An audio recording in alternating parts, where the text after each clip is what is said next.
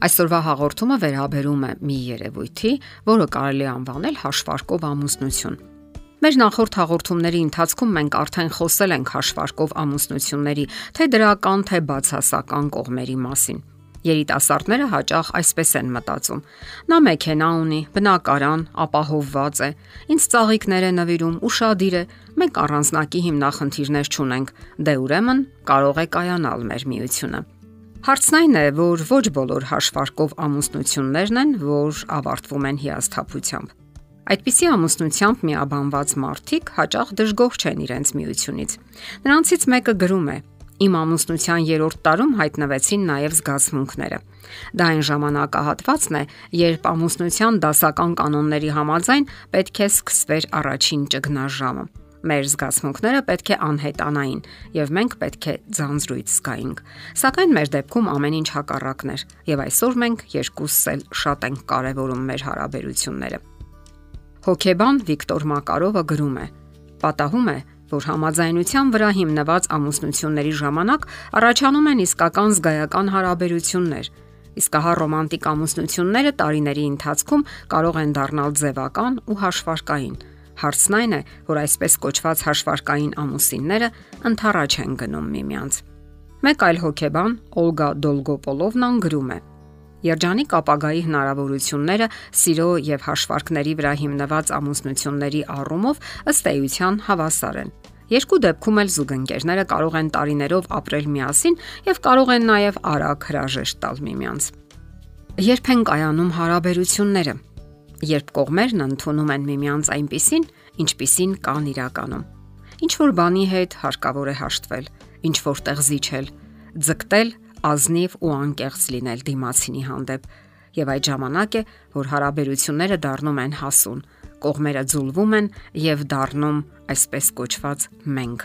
Սակայն սա այն դեպքն է, երբ այդ մենքը կազմված է երկու հավասարազոր եսերից, իրենց հայացքներով, սովորություններով եւ հստակ հնչող ձայներով։ Սովորաբար այսպիսի հարց է առաջանում. իսկ գիրքը Սա ենթադրում է, որ հաշվարկով ամուսնությունների դեպքում գիրքը բացակայում է։ Ֆրանսիացի հոկեբույժ եւ ընտանեկան հոկեբան Ժակ Անտուան Մալարևիչը համոզված գրում է. Առաջին հայացքից գիրքը հոգեկան ծուլության է տրամադրում մեզ հրապուրվելով իրենց զգացմունքների անգիտակից պորտքումով, կողմերը ենթադրում են, որ եթե իրենք արդեն այդքան ուժեղ սիրահարվել են, ուրեմն իրենց միությունը դատապարտված է հաջողության։ Սակայն երբ գիրքը բնական ձևով մարում է, հարաբերությունները զարգացման մի նոր փուլ են թևակողում եւ սկսում են սասանվել այն միակ հենարանները, որոնց վրա մինչ այդ հենված էին։ Շատ է խոսվում այն մասին, թե ինչն է ամուսնության հիմքում՝ կապվածությունը թե կախվածությունը։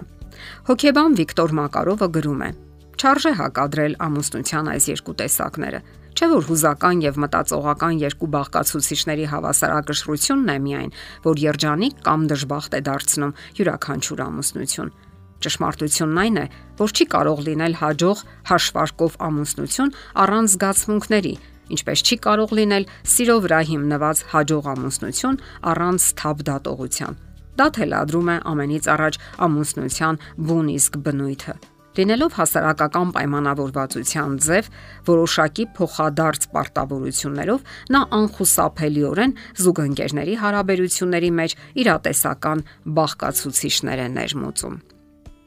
Նույնիսկ նրանք, ովքեր համոզված են, որ ընտրությունը կատարվել է սիրո հիմքի վրա, անգիտակցաբար իրատեսության ու սթափության տարրեր են ներմուծում հարաբերությունների մեջ։ Մեզանից յուրաքանչյուրն ունի իդեալական ամուսնության իր սեփական կաղապարը, որը նա փոխ է առել ծնողներից կամ ընդհակառակը որոշել է չհետևել ծնողների կաղապարին։ Եթե կողմերի պատկերացումները համատեղելի են, ապա նրանց ամուսնությունը ավելի շուտ հաջողությամբ է պսակվելու Իսկ եթե այդ կաղապարները կամ մոդելները հակամարտության մեջ են, ապա ամուսնական հարաբերությունները կարող են ձևական բնույթ կրել։ Նրանցից յուրաքանչյուրը կարող է ապրել իր սեփական աշխարհում, սեփական կյանքով։ Հոգեբան Մակարովը այսպես է ամփոփում. ցանկացած կայացած միություն հաշվարկով լինի թե սիրո հիմքի վրա ավարտվում է խոր կապվածությամբ եւ այդ վերջնական զգացմունքն իրականում ավելի հարուստ է եւ արգասաբեր, քան ամենաուժեղ գիրքը կամ ռոմանտիկ սիրահարվածությունը։ Ի վերջո, ո՞րն է այն ճիշտ ընթացքը, որը հաջողություն ու երջանկություն է երաշխավորում ամուսնական միությանը։ Դա կրկոտ զգացմունքը չէ կամ էլ սիրահարվածությունը։ Հաջողությունը գալիս է դեպի միասնական նպատակի ձգտող նպատակամաղված քայլերի արդյունքում Զույգն այս դեպքում հստակ գիտի, թե ուր է գնում ինքը եւ ինչպես, ինչի համար։ Գիտի նաև այն միջոցներն ու եղանակները, որոնք կարող են հաջող ընթացք ապահովել։ Եվ եթե նույնիսկ կլինեն խոչընդոտներ կամ թյուրիմացություններ, վրիպումներ, իսկ դրանք անպայման կլինեն, նրանք ընդունակ են հաղթահարելու դրանք եւ առաջ ընթանալու։ Եթերում ճանապարհ երկուսով հաղորդաշարներ։ Ձեզ հետ է Գեղեցիկ Մարտիրոսյանը։ Հարցերի եւ առաջարկությունների համար զանգահարել 033 87 87 87 հեռախոսահամարով։